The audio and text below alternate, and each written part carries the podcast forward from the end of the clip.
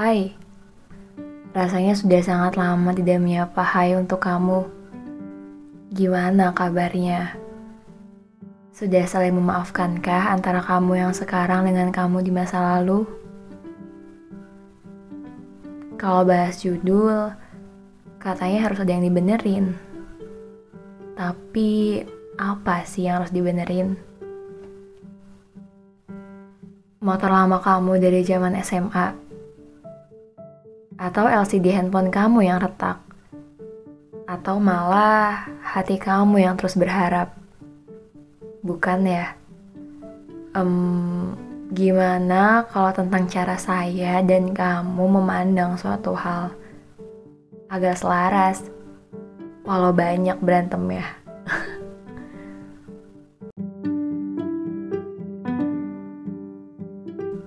Selamat datang di episode 3 Kamu pernah merasa takut gak? Kalau saya sih pernah, sering malah. Sebenarnya kadang rasa ketakutan atau rasa kayaknya kata-kata saya nggak diterima deh sama orang. Atau Kayaknya kata-kata saya dianggap apaan sih sama orang. Atau lebih sarkasnya lagi, kayaknya saya dianggap sok paling bener deh sama orang. Gitu kan. Banyak banget dan sering banget perasaan kayak gitu hadir. Yang kadang memang membuat saya pribadi akhirnya gak berani buat ngomong, buat sharing, atau buat beropini sama suatu hal. Itu malah jadi ngebungkam saya nggak sih? Padahal mungkin orang lain ya cuma ngomongin di belakang, gak nyampe ke telinga saya. Atau bahkan gak ada yang ngomongin juga. Terus saya mikir lagi, ya ini adalah satu-satunya cara agar saya bisa sharing sama orang lain, sama kamu tentang perasaan yang lagi saya rasain, tentang pengalaman yang udah saya jalanin, dan tentang apa pun itu yang mungkin bisa jadi suatu hal yang berdampak bagi orang lain. Kalau saya sharing semangat, orang bisa semangat juga.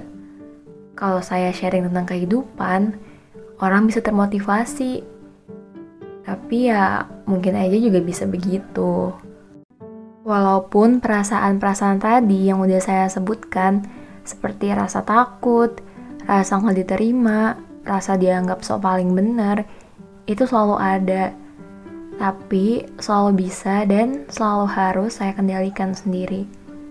Saya yakin kalau nggak semua orang menganggap hal lain itu buruk, ada juga sebagian lainnya akan menganggap hal lain itu baik dan dapat diterima. Karena kadang yang ngelukain diri sendiri ya kita sendiri, yang nyembuhin juga harus kita sendiri. Padahal dengan saya sharing segala macamnya, itu artinya saya juga lagi nyemangatin diri saya sendiri. Saya juga lagi dalam keadaan gak baik-baik aja. Saya juga lagi berjuang untuk bangkit, berjuang untuk gak overthinking, dan untuk gak ngerasain hal-hal negatif lainnya. Jadi, gak bermaksud buat menggurui atau menasehati dengan kata-kata yang demikian, tapi ya mengajak, yuk kita bisa sama-sama berbenah diri. Kita sama-sama menyembuhkan luka. Setiap orang beda dalam cara menyembuhkan luka. Tapi cara saya dengan menulis, dengan mencoba untuk berdialog bersama kamu, supaya bisa saling menyembuhkan, bisa saling merasakan bahwa kamu gak sendiri menghadapi luka ini. Luka memang akan kering, tapi bekasnya tetap ada. Dan hal itu yang mengingatkan kita kalau kita pernah seterpuruk itu, kalau kita pernah sesakit itu. Tapi kita bisa sembuh. Kalau kata Nadine, sudah tugasku untuk menjadi sembuh. Salam dari awan.